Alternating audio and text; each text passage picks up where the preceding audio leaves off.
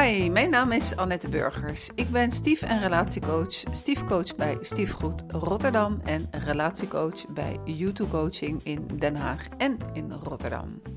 In deze serie van Op zoek naar de liefde gaat het over ontrouw wat nu. Ik zit hier in het mooie Scheveningen met uitzicht op zee bij Shanti Silos en we hebben het gesprek over ontrouw en natuurlijk ook over de liefde. Ik ga hem anders starten nu, Shanti. Uh, dit, mijn serie heet Op zoek naar de liefde. Als ik aan jou vraag, ben jij nog op zoek naar de liefde of heb je de liefde gevonden? Wat is dan jouw antwoord?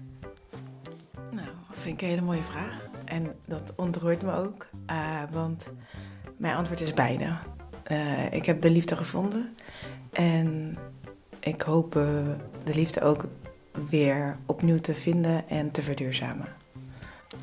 Dat klinkt ingewikkeld. Ik kan er geen chocola van maken. Kan je me even helpen? Ja, um, ongeveer uh, vijf jaar geleden ben ik uit een destructieve relatie gestapt. En heb ik nog maar ten nauwe nood overleefd. Dat was echt uh, kantje boord. Zo heftig was dat. En ik denk na een half jaar of zo, of, of, of vier, vijf maanden van wonderlikken, uh, had ik het idee van... Ja, ik heb heel veel liefde van mijn vrienden en van mijn familie, maar uh, ik verdien het ook om een intieme, liefdevolle relatie te, te hebben. En uh, sindsdien ben ik op een, uh, een quest naar ware liefde gegaan. En, en die heb ik ook gevonden in Bali. Op drie manieren. Eén was Bali. Dus daar woon ik nu. Maar ik kom helaas niet weg uit Nederland. Dus daarom ben ik nu deze winter nog hier. Dus dat is uh, een van de vormen van uh, liefde die ik heb gevonden. En twee, in de vorm van een prachtige man. En ja, ik voel me eigenlijk bijna nooit veilig, maar bij hem heb ik voor het eerst onvoorwaardelijke liefde ervaren en gevoeld. En de derde was, ik heb de liefde voor mezelf uh, herontdekt. Of misschien wel voor het eerst echt goed ontdekt. En de reden waarom ik ook zei dat ik, dat ik hem, nog, dat ik hem weer opnieuw en duurzaam hoop te vinden is. Uh, omdat ik geen uh, seksuele relatie met deze man heb gehad. En we zijn nog steeds vrienden, dus die liefde is er nog steeds. Maar hij zit in Bali en ik zit in Nederland. En uh, hij heeft ook zijn eigen relaties gehad. En, en, en ik ook in de tussentijd. Um, alleen, ja, ik, ik zou het nog steeds mooi vinden om een, uh, een levenspartner te vinden. Met wie ik uh, de, de liefde die ik heb kan delen. En dat ik dat ook kan ontvangen. En dat dat niet voor een moment is. Maar, gewoon, ja, maar het liefst zo lang mogelijk. Mm. Uh, en van de drie uh, aspecten van de liefde die jij noemt, uh, is er één het allerbelangrijkste en dat is de liefde voor jezelf. kun je aangeven dan waar jij vandaan komt, dat je die liefde niet had en dat je hem nu ontdekt hebt? En wat betekent dat? Hoe ga je het vasthouden, dat eerste stukje? Heel veel vragen, even kijken waar ik vandaan kom. Um, uh, ik heb eigenlijk sinds mijn twaalfde een hele moeilijke jeugd. Uh, uh, ja, veel problemen binnen ons gezin, een destructieve gezinssituatie. En ehm, dus de liefde die, die er was of die ik had, die ging eigenlijk uit naar het gezin. Dus ik heb het mijn missie gemaakt vanaf dat ik twaalf was om ervoor te zorgen dat wij weer gelukkig zouden worden als gezin. Maar dat was de missie die ik alleen droeg. En Kijk, mijn ouders die wilden het wel, maar die, die konden het niet. Uh, uh, als ze beter wisten, hadden ze wel beter gedaan. Dus eigenlijk sinds mijn twaalfde heb ik uh, mijn liefde en mijn leven ten dienste gesteld van mijn gezin van herkomst. En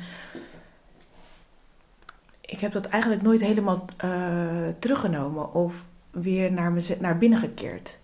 Of, je, of nog beter, je hebt het nooit teruggegeven aan je ouders, want het was natuurlijk niet de taak van jou als kind. Ja, dat is mislukt. Dus uh, ik heb heel erg mijn best gedaan, maar ja, dat, dat kan je gewoon niet doen. En dragen voor een ander. Dat moeten ze echt zelf willen en zelf doen. Mhm. En uh, dus dat was mislukt, maar ik, ben, ik heb het wel voortgezet. Dus die, mijn leven en mijn liefde weggeven aan of een, een partner, of een baan, of mijn klanten. Dus ik heb eigenlijk nooit eh, mezelf als prioriteit gemaakt. En mijn leven en de, en de liefde voor mezelf.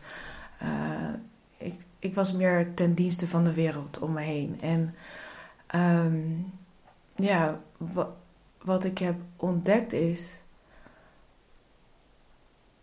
Um, je kan niet weggeven wat je niet hebt. Dus zelfliefde is de basis. En als je geen zelfliefde, als je onvoldoende, laat ik het zo zeggen, want je, bijna iedereen heeft een bepaalde mate van zelfliefde, denk ik. Maar als, je, als het te dun is, te laag, hè, dus eigenlijk de fundering te dun is, dan kan je daar niks opbouwen. Want er het, uh, ja, het zakt er altijd doorheen. Omdat die fundering niet stevig genoeg is. Dus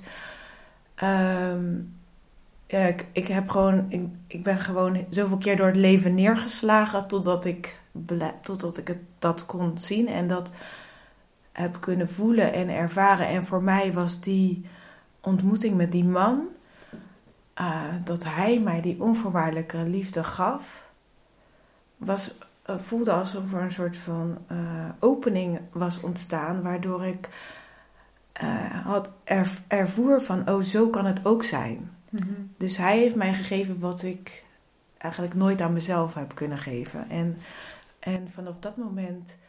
Vanaf dat moment, sorry, ik ga je even onderbreken, want ik wil even terug met jou naar dat moment van die ontmoeting. Oké, okay, ja. Kan je die omschrijven? Want je, schrijft, je vertelt zo beeldend. Ik wil graag meegenomen worden naar dat moment. Ja.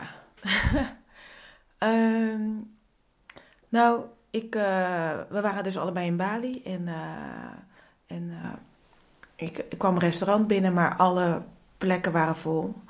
En toen zei degene die daar werkte tegen mij: um, Waarom vind je het erg om bij iemand te zitten? Of in de buurt of zo? Of, of een soort tafeltje en, een, en twee bankjes te delen? Ik dacht, ja, ik wil hier gewoon eten. Want het is een van de beste restaurants die, uh, die, uh, met eten waar ik van hou en uh, waar ik tegen kan. Dus, dus ik werd dan geplaatst naast die man. En ja, ik ben meestal best wel gevat. Dus na zes uur mag je daar niet aan de eettafels op de computer werken. Dan moet je aan de bar gaan zitten, de computerbar. En het was na zes uur en hij was nog aan het werk. Dus ik maakte daar een grapje over. En zo raakten we in gesprek. En zo waren we, denk ik, bijna tot sluitingstijd. Waren we, en ik denk drie, vier uren lang hebben wij gewoon hele... Hij was gestopt met computer en hebben hele mooie gesprekken gehad. En op een gegeven moment zei hij... Um, heb je zin om door te praten bij mij thuis? En ja, ik dacht, oh, heb je weer zo'n man die uh, wat van me wil. En... Uh, ja, ik ben niet zo makkelijk op dat gebied. Dat ik maar met Jan en Anneman naar bed ga. En mijn ervaring tot dan toe was dat de meeste mannen die zoiets zeggen, die bedoelen gewoon laten we seks hebben. Dus ik zat te twijfelen. Maar ik dacht, ik had gewoon een goed gevoel bij. Dus ik ben met hem meegegaan. En toen zei hij tegen mij: um, Zullen we een, uh, een of andere speciale meditatie doen met, met, een, met een middel dat je hoofd schoonmaakt of zo. Geen drugs. Maar hij zei, het is iets van uh, tabak of zo. En dan uh, gedroogd en dan uh, gemalen. Iets wat de shamanen of zo ook gebruiken. Nou, ik heb nog nooit in mijn leven, ik had nog nooit in mijn leven en nog steeds niet drugs gebruikt. En het klonk wel een beetje drugsachtig, ook al was het niet. En ik vond het ook eng. Hm. Dus ik dacht, ik ken die man niet. Wat gaat hij me geven? Weet je, ik heb hem net ontmoet. Niemand weet dat ik hier ben, dus ik doe dat niet. En toen uh, zei ik, nou, doe jij maar dat uh, middeltje dan. Ik doe alleen maar mee met het begin van de intentie zetten en de meditatie. Um, dus dat hadden we gedaan. En vanaf dat moment zijn we eigenlijk echt zulke goede vrienden geworden. En nu kom ik naar dat moment van die onvoorwaardelijke liefde. En we waren dan elke dag zagen we elkaar drie, vier, vijf uur per dag. En we deden allemaal leuke dingen en zo. En, uh, en toen dacht ik van, ja, ik voel me best wel veilig. Oh, wel gewoon goed bij hem. En uh, ja, als ik, als ik ooit een keer uit mijn comfortzone wil stappen, uh, zo,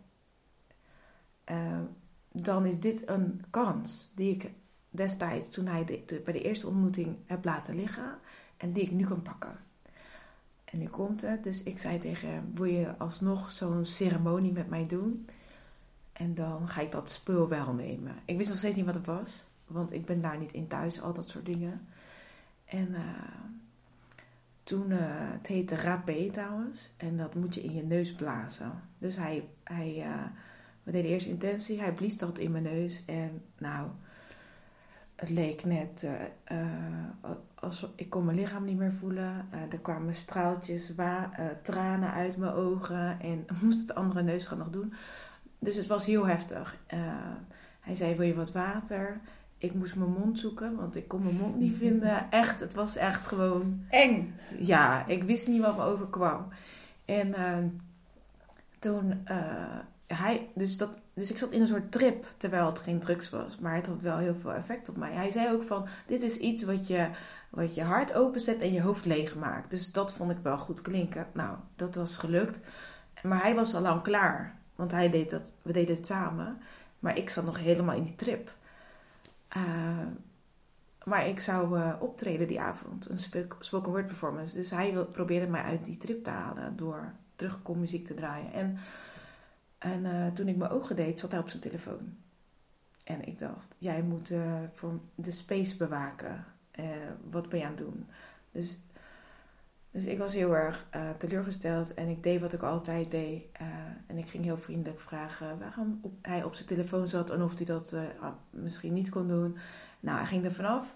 En toen ging ik weer terug in die trip. En toen kwam ik er uiteindelijk weer uit tot hij weer op de telefoon. En toen werd ik echt kwaad. Ik dacht, oké, ik kan nu weer doen wat ik altijd doe. Beleefd zijn, vriendelijk zijn en rekening houden met een ander.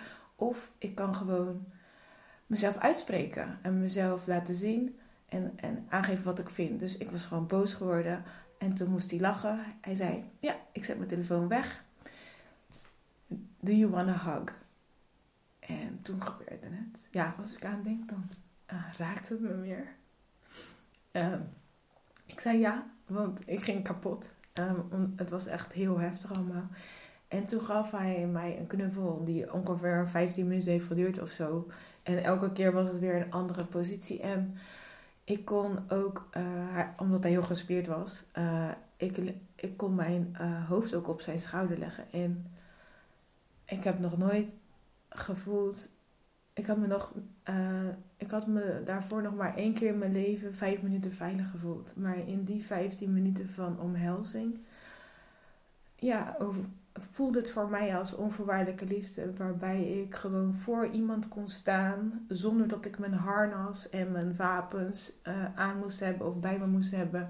Ik kon gewoon naakt, niet letterlijk, maar naakt daar zijn. En, en ook nog eens mijn hoofd uh, laten rusten op iemands schouders. En ik ben normaal altijd iemand die iedereen op mijn schouders neemt. Dus voor mij was dat dus het moment van ja, een soort van bevrijding voelde het of zo. Ja. En toen werd ik dus ook op slag verliefd op hem. Maar ja, dat was een beetje lastig.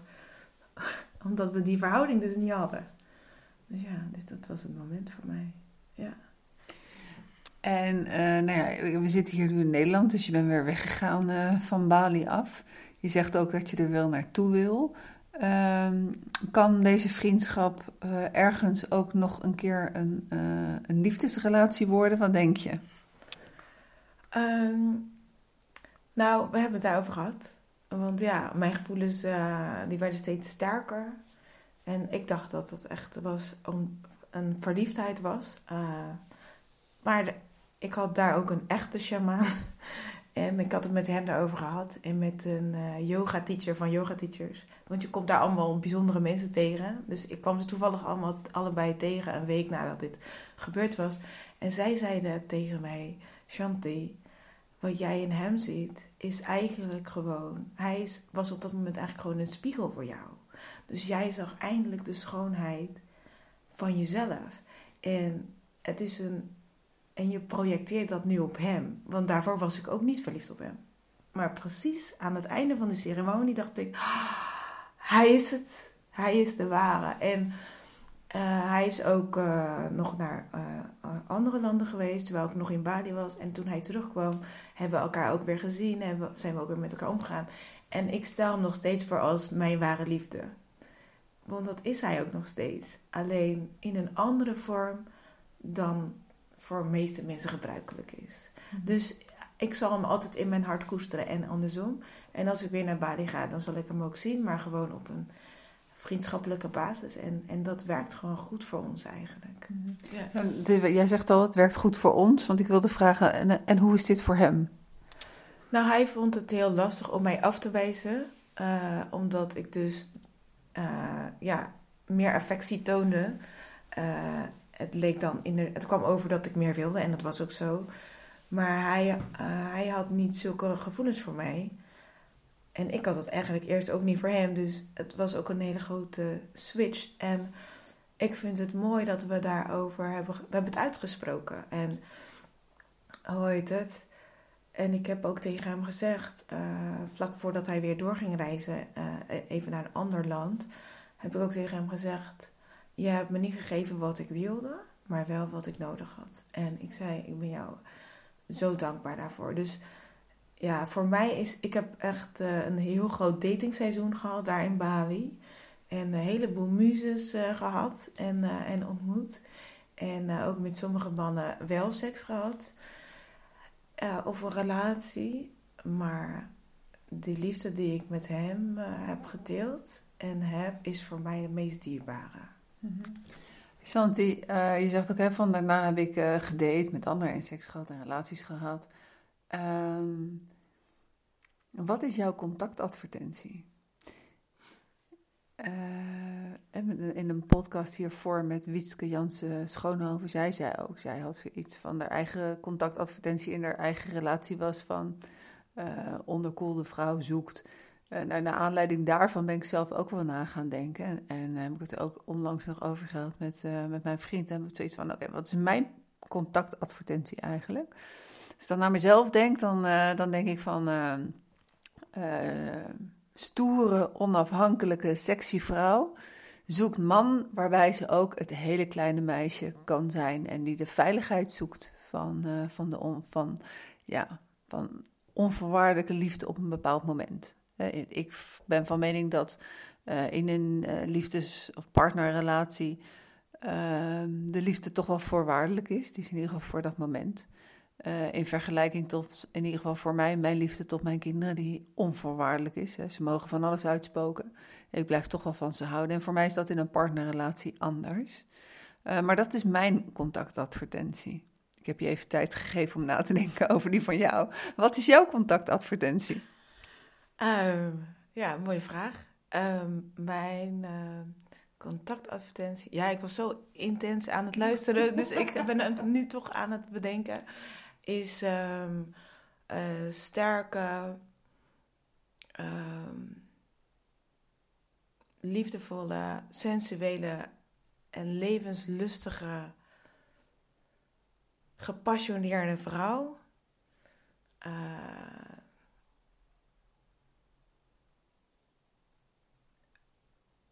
ehm, Zoekt. ja, ik hou niet van het woord zoeken, maar ik zal het voor het, eh, voor het gemak even gebruiken. Ik zeg altijd, wie, wie zoekt zal niet vinden. Ik Mhm. vind alleen maar... maar Staat open. We doen hem even. Eh, ja, staat open eh, voor... ehm, ehm, krachtige, gevoelige... Nee, ik doe gevoelig even weg. Krachtig... ehm, bewuste.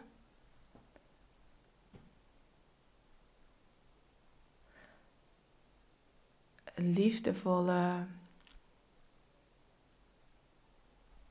Ambitieuze man. Met veiligheid. Ja. Die jou in ieder geval de veiligheid kan geven die je nodig hebt. Ja, dat is wel een goede toevoeging die ik altijd vergeet. Ja.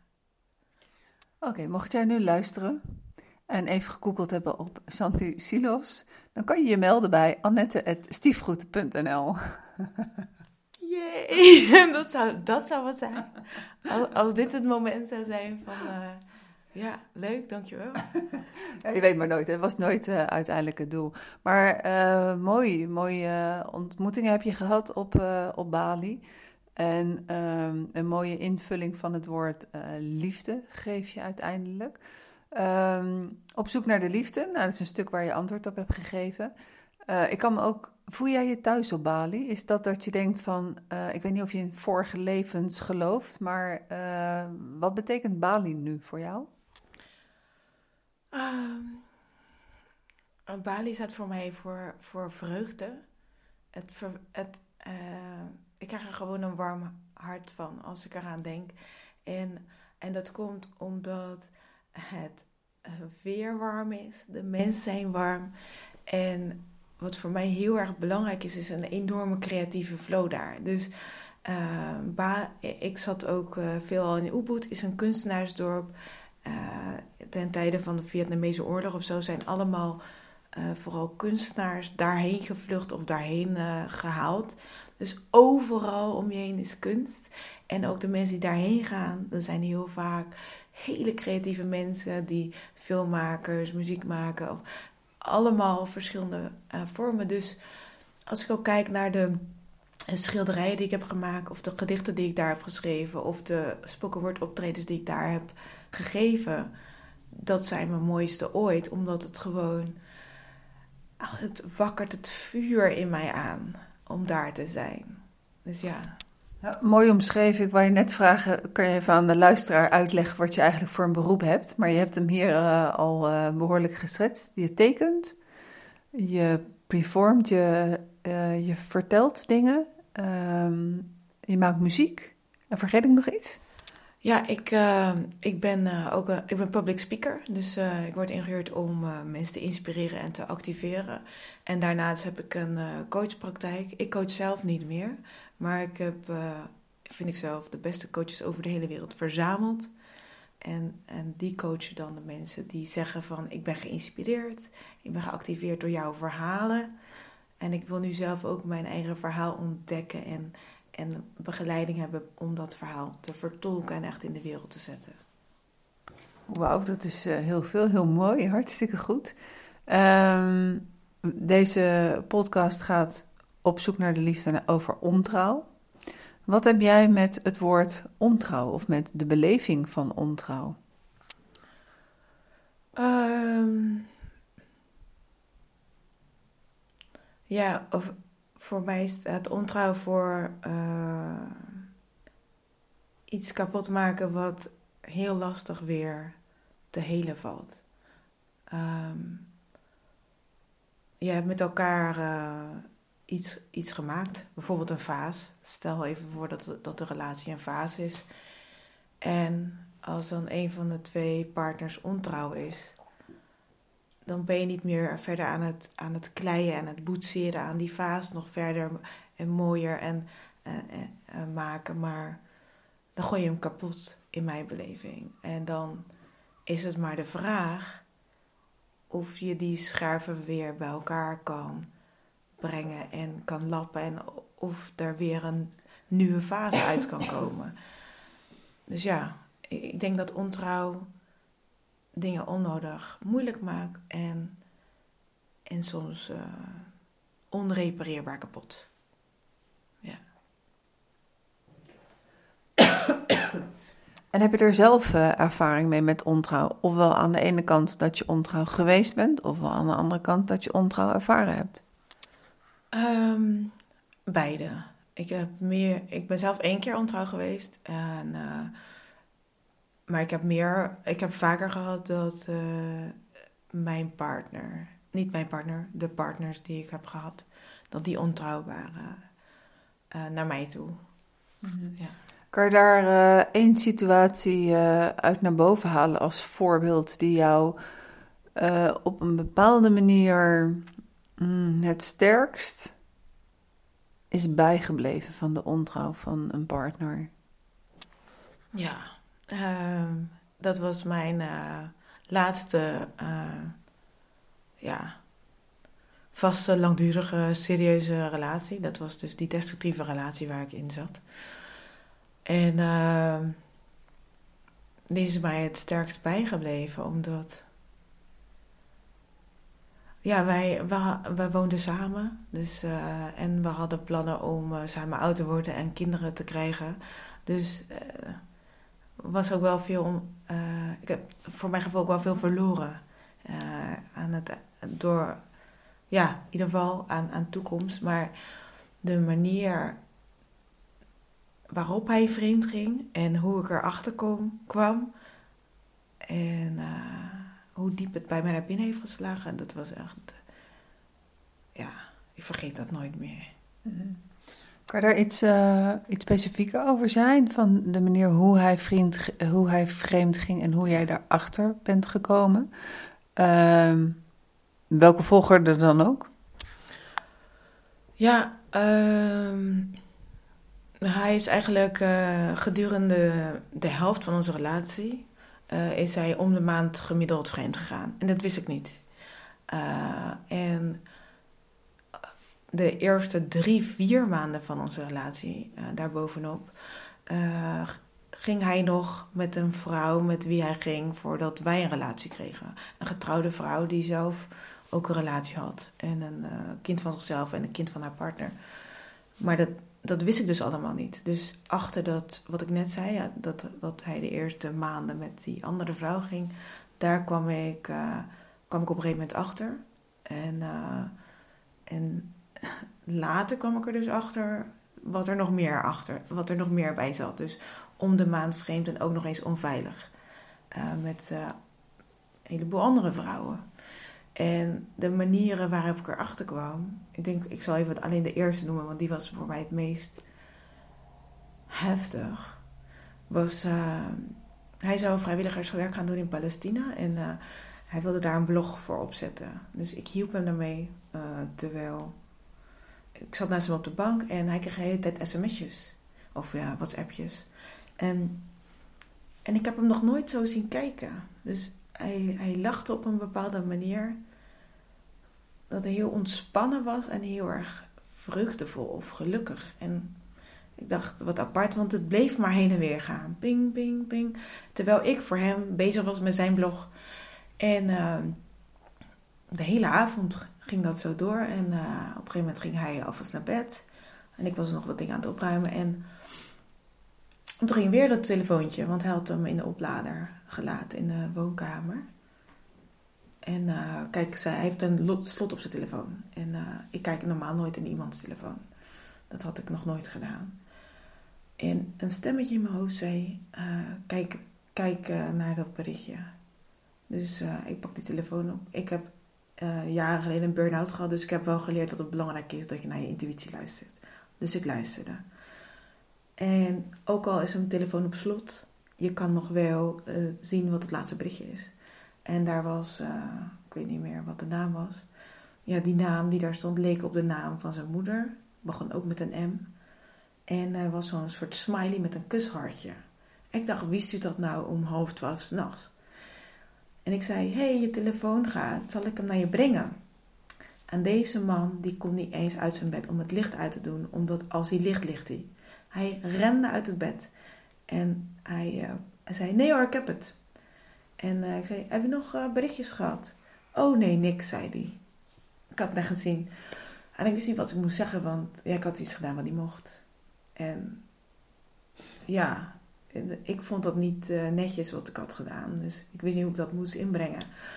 Dus de hele avond kon ik niet slapen. En ik zat er maar te malen van, hoe, hoe is dat? En ja, zijn moedersnaam begint ook met de M. Misschien was het daar een korte naam. Dus ik en, en toen kreeg ik een ingeving, om, dat was zes uur s ochtends of zo. Kijk in de computer, want hij had ook nog een computer. En daar zat. Uh, dus ik dacht van, uh, ik ga kijken uh, op Facebook, zoek ik die naam op, want die. en dan kijk ik binnen zijn contacten. Maar ik zag niks. En toen dacht ik, kijk op LinkedIn. En, maar zijn LinkedIn was blijkbaar nog ingelogd. En er was geen wachtwoord op de computer. En uh, ja. Uh.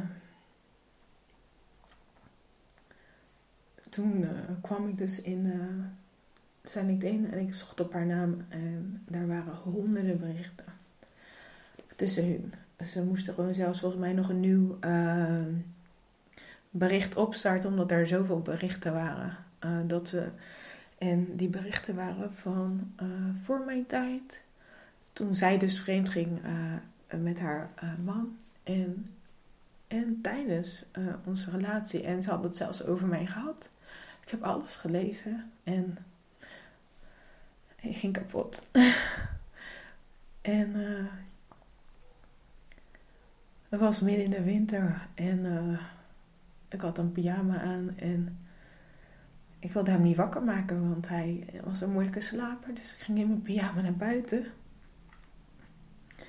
En ik belde mijn moeder en ik vertelde wat er gebeurd was. En ik zei dat ik weg wilde. Maar we woonden samen.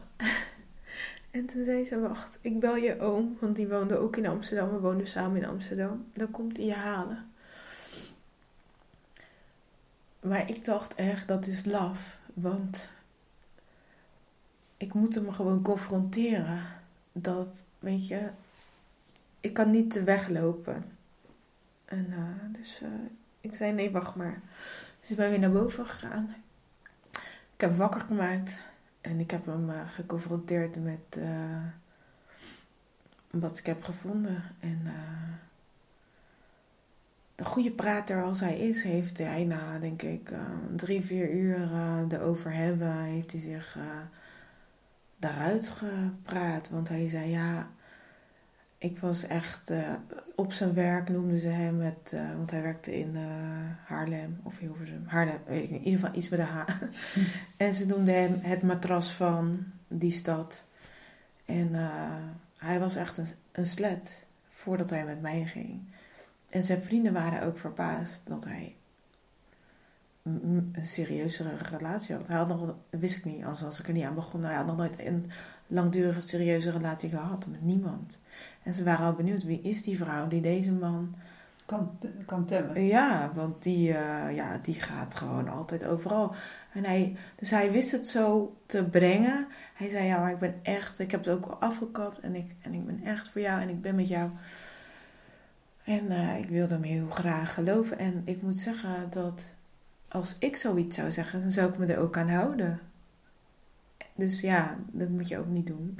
Denken dat iemand is zoals jij. Exact. Maar ik, uh, dus we zijn doorgegaan en uh, uh, ja, op een gegeven moment ging het, ja, was er toch weer oneenigheid gekomen, maar veel en veel later. En ehm, ik ben dat stukje even kwijt omdat ik het echt bewust ook uh, heb uh, losgelaten. Omdat het heel echt, ja, het heeft een kras gezet op mijn ziel. Maar ik weet nog dat we, we hebben zelfs nog, dus veel later hebben we zelfs nog relatietherapie gedaan. En hebben we gehad over wat, wat er niet werkte of wat er, wat er nog pijn deed. En um, op een gegeven moment hadden we geen relatie meer, maar we deden nog wel alles weer met elkaar of zo. En uh, behalve dan dat ik niet meer meeging naar zijn familie of zoiets. Dus het was een beetje raar. Dus ik zei: Oké, we doen nu erop of eronder, want dit schiet niet op. En we wilden een huis huren ergens uh, aan het strand. Maar ja, het was zomer, alles was verhuurd. En ik heb een huis aan het strand. Dus ik zei: Kom een weekend bij mij logeren en dan gaan we. Ehm, ja, dan dan moeten we gewoon beslissen. We gaan door of stoppen, maar niet meer dat half bakken. En uh, hij houdt van uitslapen. Ik hou van vroeg opstaan en lekker s ochtends wandelen over het strand. Dus uh, ik had al over het strand gewandeld. Hij was nog aan het slapen. Ik kwam terug en zijn iPad lag op de tafel in de woonkamer. En ik kreeg weer een stemmetje in mijn hoofd die zei: Kijk in die iPad. Dus ik keek in die iPad en, uh, en daar stond in. Uh, ik ben al sinds december clean. Clean waarvan?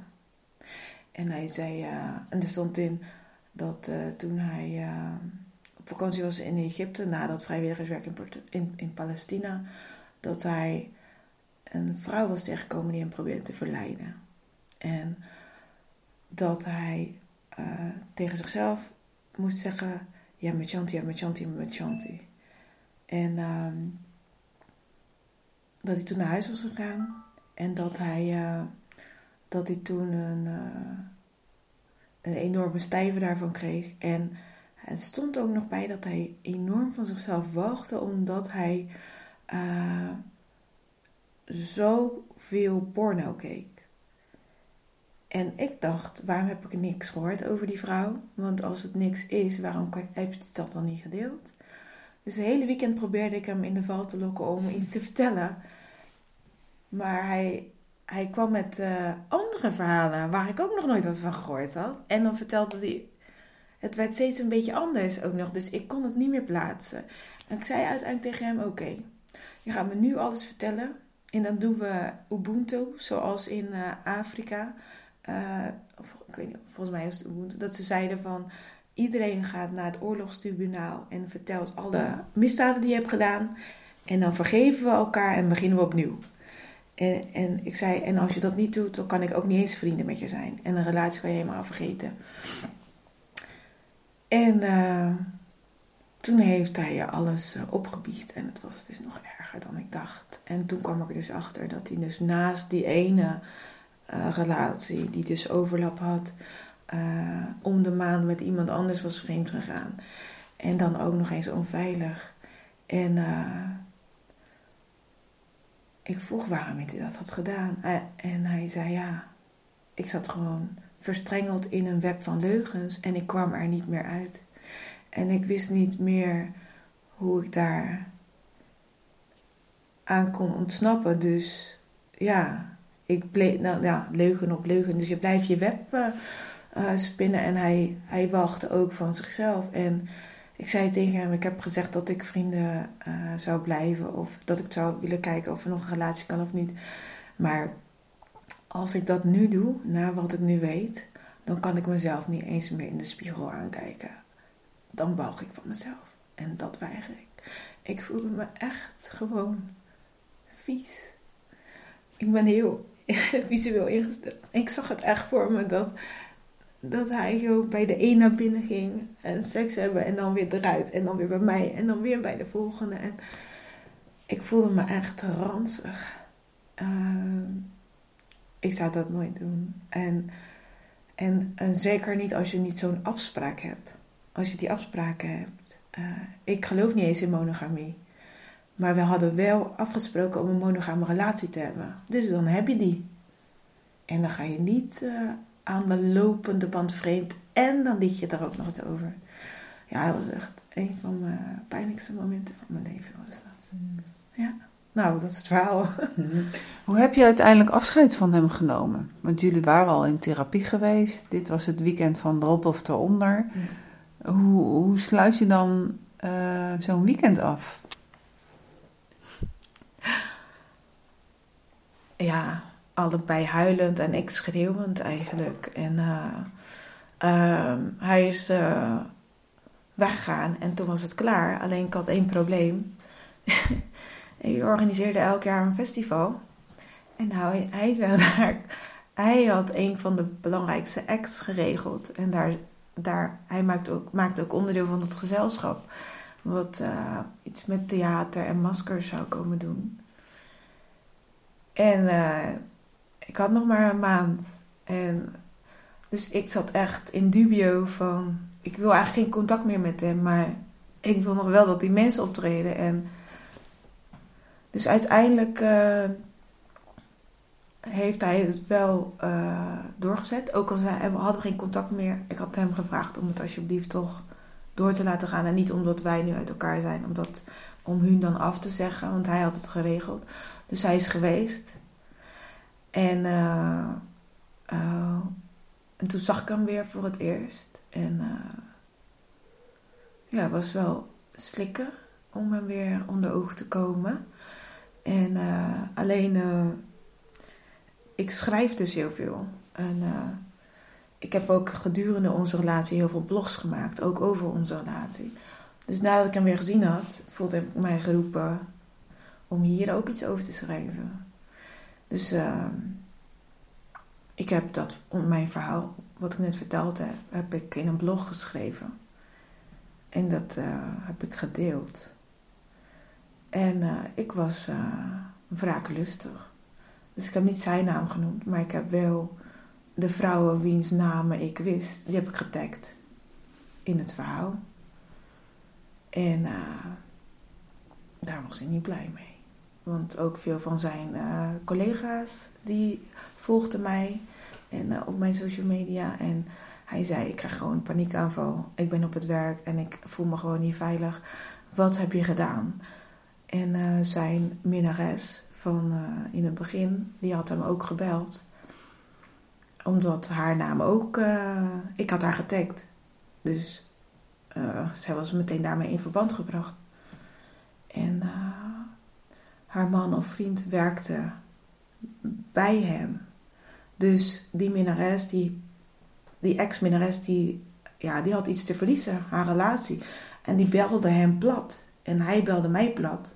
En ik had zoiets, ja, goes around, comes around, weet je. Ik bedoel, ik deel alle mooie verhalen en dan ga ik niet nu opeens stoppen als het verhaal lelijk is. En jij hebt het lelijk gemaakt.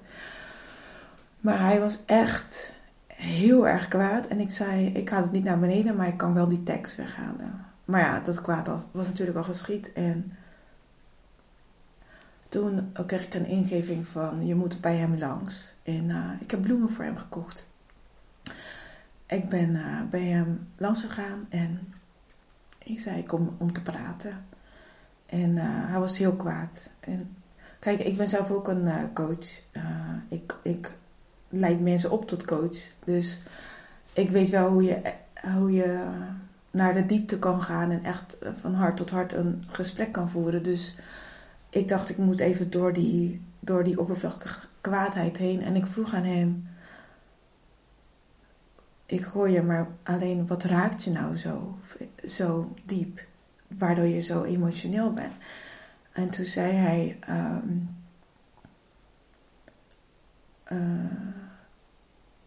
Dat ik nu zie uh, wat ik.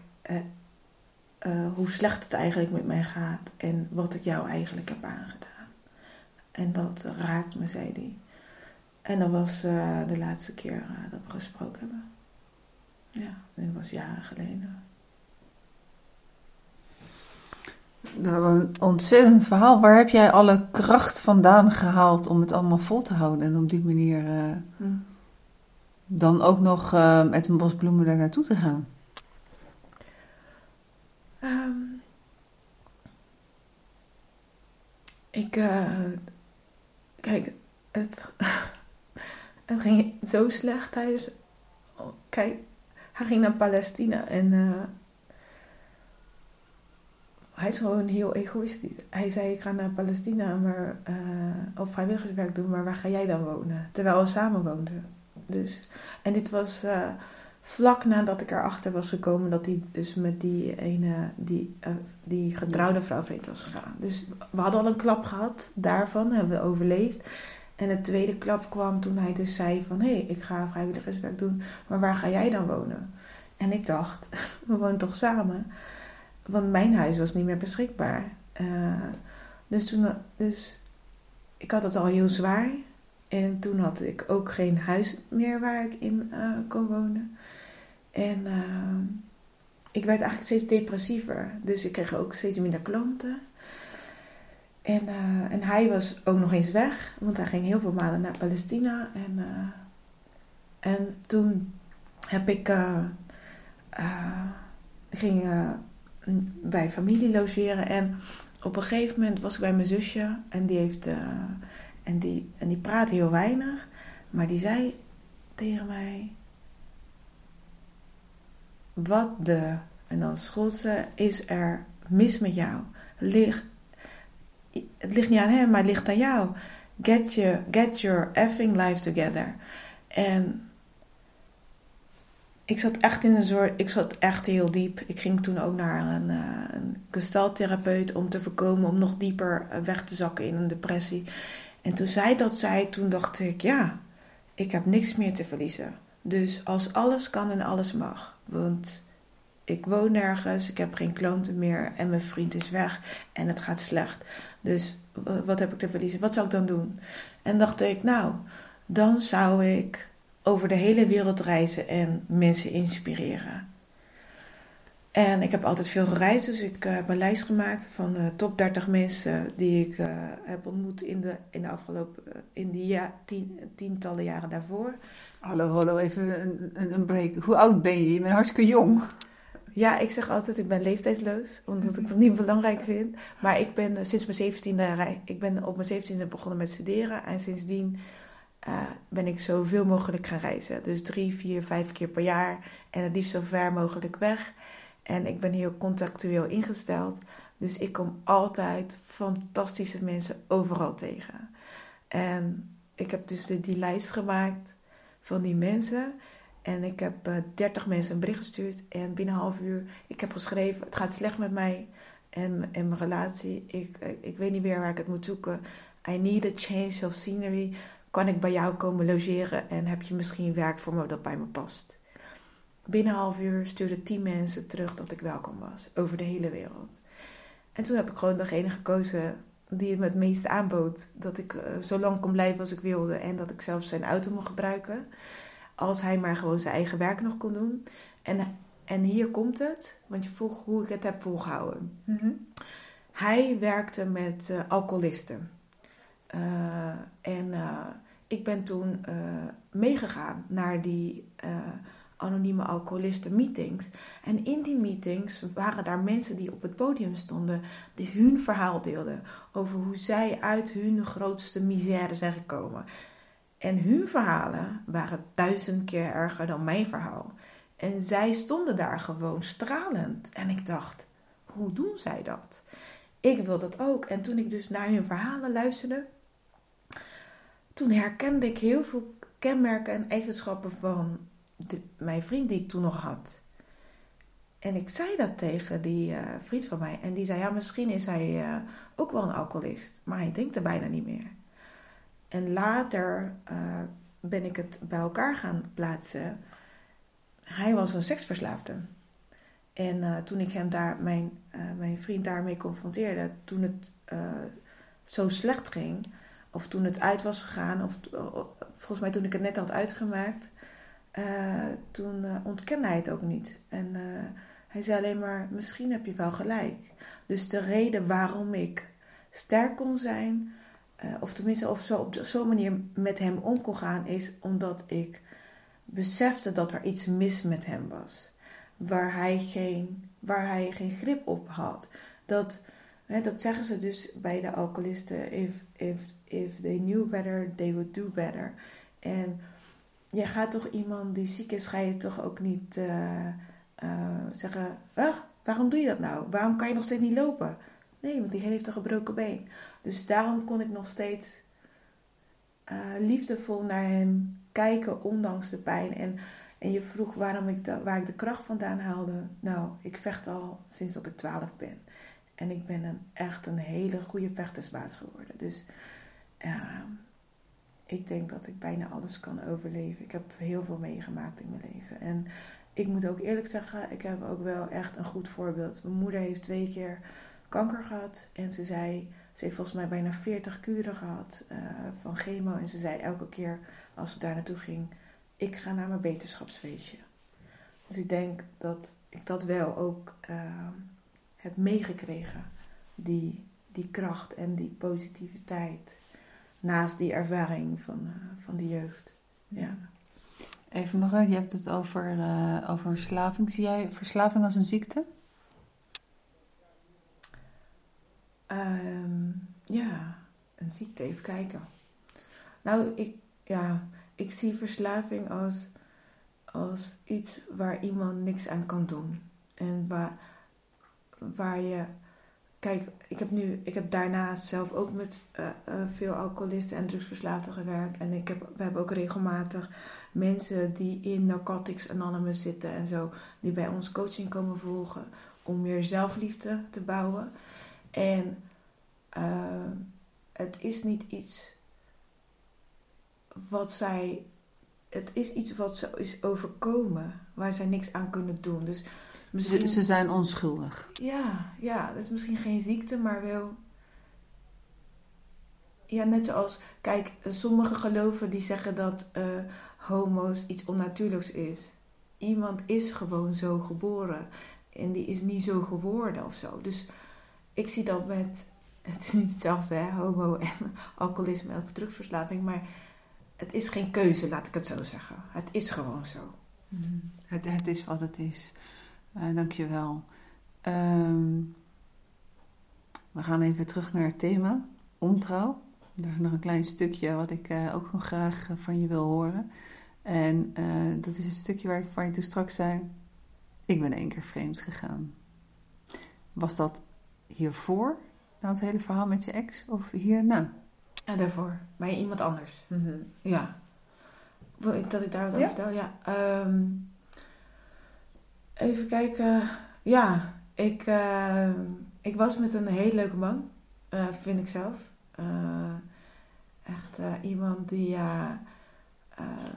heel down to earth, een, een surfer.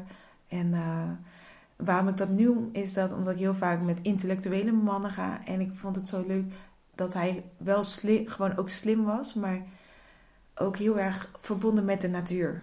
En wij hadden een. Uh, ik had ook voor het eerst bedacht in mijn leven van met deze man wil ik denk ik wel oud worden. En uh, ik, was, ik ging heel veel naar strandfeestjes. En ik was op één strandfeestje en, feestje, en daar was een man. En er was zo'n aantrekkingskracht tussen ons. We bleven maar naar elkaar kijken. En het was gewoon een soort instant chemistry als het ware. En, en toen ging het ook gewoon nog goed tussen mij en diegene met wie ik uh, een relatie had, mijn vriend destijds. En uh, alleen ergens in die weken daarna of zo uh, zat hij met wat dingen, wat familieproblemen waar hij niet over kon praten en ook niet met mij kon delen of zo. Blijkbaar was het dusdanig moeilijk. Dus ons contact was ook ja, wat minder goed. Eventjes maar hoor. Maar dat was precies net voor, nadat ik die man dan had ontmoet. En uh, wij hebben, uh, dus ik en mijn vriend destijds, wij hadden gezegd, we hebben, we hebben een monogame relatie, was de afspraak. En dat wist ik. En toen vroeg die, die server, die, ja, diegene die ik op dat feestje had ontmoet, die vroeg van om af te spreken en gewoon alleen maar wandelen over het strand. Dus ik dacht, nou, dat kan misschien nog net, weet je wel. Um, maar dat wandelen over het strand was een van de romantische wandelingen die ik ooit in mijn leven, of niet eens, een van de meest romantische ervaringen die ik in mijn leven heb, heb gehad. En er, dus ja, er, er, was, er gebeurde, het was gewoon magisch. Dus uh, hij pakte mijn hand en dan liepen we hand in hand en dan gingen we door de duinen. En toen zei hij, uh, kom laten we even bij dit uh, meertje gaan zitten of zwemmen. Ik weet niet eens meer wat we allemaal gedaan. Maar, en op een gegeven moment, ja, was zo'n wandeling rond, kwamen we weer terug bij mijn huis. Ja, en de vraag is, en, en dan? En toen? Dus ik weet niet, ik was zo onder de, betoof, onder de betovering of zo dat ik hem mee binnen heb laten komen. Want normaal ben ik heel streng, want denk ik uh, beter een goede, hoe heet het, uh, bouncer, hoe zeg je dat, uitsmijter. Dan dat je iemand binnen hebt gelaten en dat je het dan moeilijk moet gaan doen. Maar ik had hem dus binnengelaten en uh, nou, toen gingen we echt gepassioneerd zoenen, lagen we op de bank. Alleen toen was het voor het eerst dat ik aan mijn vriend dacht. Want ja, dat, ik bedoel, dat andere was eigenlijk al uh, niet netjes, vind ik. Maar, uh, maar met zoenen en uh, intiem aanraken, ja, dan ga je echt de grens over. Dan, moet je, dan weet je gewoon dat je daar niet overheen moet gaan. Dus tijdens al dat zoenen was ik dit aan mijn vriend aan het denken. Dus, en ik zei altijd, ja, vreemd gaan. mensen die vreemd gaan en dan achteraf zeggen het was niks aan of het was het niet waard of ik vond het niet eens leuk. Dan, ik, ik heb altijd over die mensen gezegd, wat een sukkels. Heb je het gedaan, heb je ineens van genoten. en toen dacht ik, ik ben nu net zo'n sukkel. Ik ben uh, iets aan het doen wat niet is afgesproken, wat niet mag. En ik ga niet er niet eens van. Want ik ben niet eens bij deze man. Ik ben bij mijn man. En, uh, en toen heb ik het dus afgekapt. En uh, alleen ik voelde me wel slecht, want ik had het gedaan. Dus uh, de volgende ochtend ben ik naar mijn vriend gegaan. Die woont bij mij in de buurt. En toen heb ik alles opgebiecht. En uh, he was not amused. Hij was echt diep geraakt, zag ik. Ja. En hij kon het ook niet allemaal in één keer verwerken. Uh, wat ik had gedaan. Ja, het is toch een vertrouwensbreuk. Uh, mm. En uh, een, eh, een paar maanden daarna, daarna heeft hij het uitgemaakt. En ik, hij heeft nooit willen vertellen waarom. Dus het kan daar iets mee te maken hebben. Maar het kan ook te maken hebben met die familieproblemen die hij had. Waar hij niet uitkwam, wat hij niet wilde delen. Of iets anders. En omdat ik wist dat ik dit uh, gesprek zou hebben, heb ik hem gebeld. Uh, en dacht ik, ik vraag het. Maar uh, ja, hij was overvallen door mijn vragen. En hij zei, ik ben op mijn werk. ik zit allemaal mensen om me heen. vind je het goed? en hij zei, ik moet echt heel diep graven. vind je het goed als ik terugbel? Nou, ik heb het niet meer gehoord. oh jee. En um, hoe heb je dit een plekje kunnen geven dan uiteindelijk? Zeker na alles wat er daarna, uh, wat je meegemaakt hebt hè, met, die, uh, met, met die andere vriend, waarvan hij dan. Uh, maar je gaf ook aan uh, dat dat voor jou niet per definitie zo is dat als je een relatie hebt, dat je monogaam moet zijn. Dat? Ja, want kijk, uh, dus eh, in die relatie waar ik dan uh, vreemd was gegaan, of met iemand anders heb gezoend, uh, in die relatie, voordat ik aan die relatie begon, had ik voor het eerst een datingseizoen. Ik ben echt heel serieus. Mijn moeder heeft me opgevoed in de hoop dat ik als maagd het huwelijk inging. En ik heb dat heel lang volgehouden. Alleen op een gegeven moment ging ik toch met, met een vriendje die ik had naar bed. En, uh, dus dat is niet gelukt. Uh, maar ik ben wel altijd heel serieus geweest. Ik zocht altijd naar de toekomstige vader van mijn kinderen. En, en als ik dan geen relatie had, dan, dan deed ik ook niks met niemand. Ging ik ook niet daten. Ik ging daten, als ik met iemand ging daten, was het om een relatie te beginnen. En. Oh, wat was de vraag ook weer? Sorry, ik ben mijn eigen draad kwijt. Mm. Uh, nou, ik stelde een paar vragen, geloof ik, weer samen, want dat is mijn specialiteit om er een paar tegelijk te stellen. Is ook niet altijd even handig. Wat het met je gedaan heeft, al die ervaringen, en tegelijkertijd met de wetenschap van: ben jij. Uh, is een, een, een, een, relatie per definitie ja. monogaam? Ik heb het. Ja, dus. Uh, ik heb een ja, dus, dat, dus ik ben heel braaf opgevoed, laat ik het zo zeggen. En ik heb altijd serieuze relatie gehad, totdat ik een burn-out heb gehad. En toen dacht ik, uh, ik heb al, ik heb toen na die, tijdens die burn-out heb ik mijn hele leven opgeschoond. Ik ben nagegaan, wat zijn mijn dromen eigenlijk? Want dat wist ik niet. Ik ben mijn elk jaar heb ik één droom gerealiseerd. En ik heb ze allemaal gerealiseerd. En op een gegeven moment dacht ik, dat is allemaal zwaar werk. Ik wil ordinaire fun. Gewoon plezier voor het plezier. Niet met een doel. En ordinaire fun is ook gewoon een film kijken, maar je kan ook seks hebben. Alles ertussenin. En uh, dus toen had ik mijn eerste datingseizoen, waarbij ik normaal gesproken liet ik mannen altijd mij benaderen. En dan zei ik ja of nee. En nu dacht ik, ik ga gewoon zelf kijken wie ik het leukst vind als we uitgaan. En de leukste, die haal ik binnen. En ik was een soort sportvisser. Dus meestal ging ik dan met ze zoenen en dan liet ik ze weer gaan of zo. Ik nam ze nooit mee naar huis of ik ging bijna nooit mee. Uh, dus, uh, dus ik zat in die modus. En uh, toen ik dus mijn, deze vriend tegen, die, degene, die, de, de server tegenkwam. Toen zat ik nog steeds in die modus en toen vroeg ik aan hem... Hey, ehm, zullen we een open relatie nemen? Want ik was daar altijd al nieuwsgierig naar. Omdat ik, en ik wilde ook heel graag vrij zijn. En ik dacht, nou, dat wil ik toch wel proberen. Kijken hoe dat is. Maar hij zei, hij keek me echt raar aan en hij zei, uh, nou, nee, ik wil gewoon jou voor mezelf hebben en ik heb geen behoefte aan iemand anders. En toen dacht ik, oké, dus dan of ik heb nu een relatie of en als ik, als ik zeg dat ik dat niet wil, dan ben ik hem kwijt. Dus toen heb ik maar een monogame relatie aangegaan. Maar in het begin moest ik echt wennen. Want ik was zo gewend als ik uitging om te kijken wie is het leukste. En, en dan moest ik mezelf echt remmen om te beseffen: oh nee, ik heb nu een relatie, dat moet ik niet meer doen.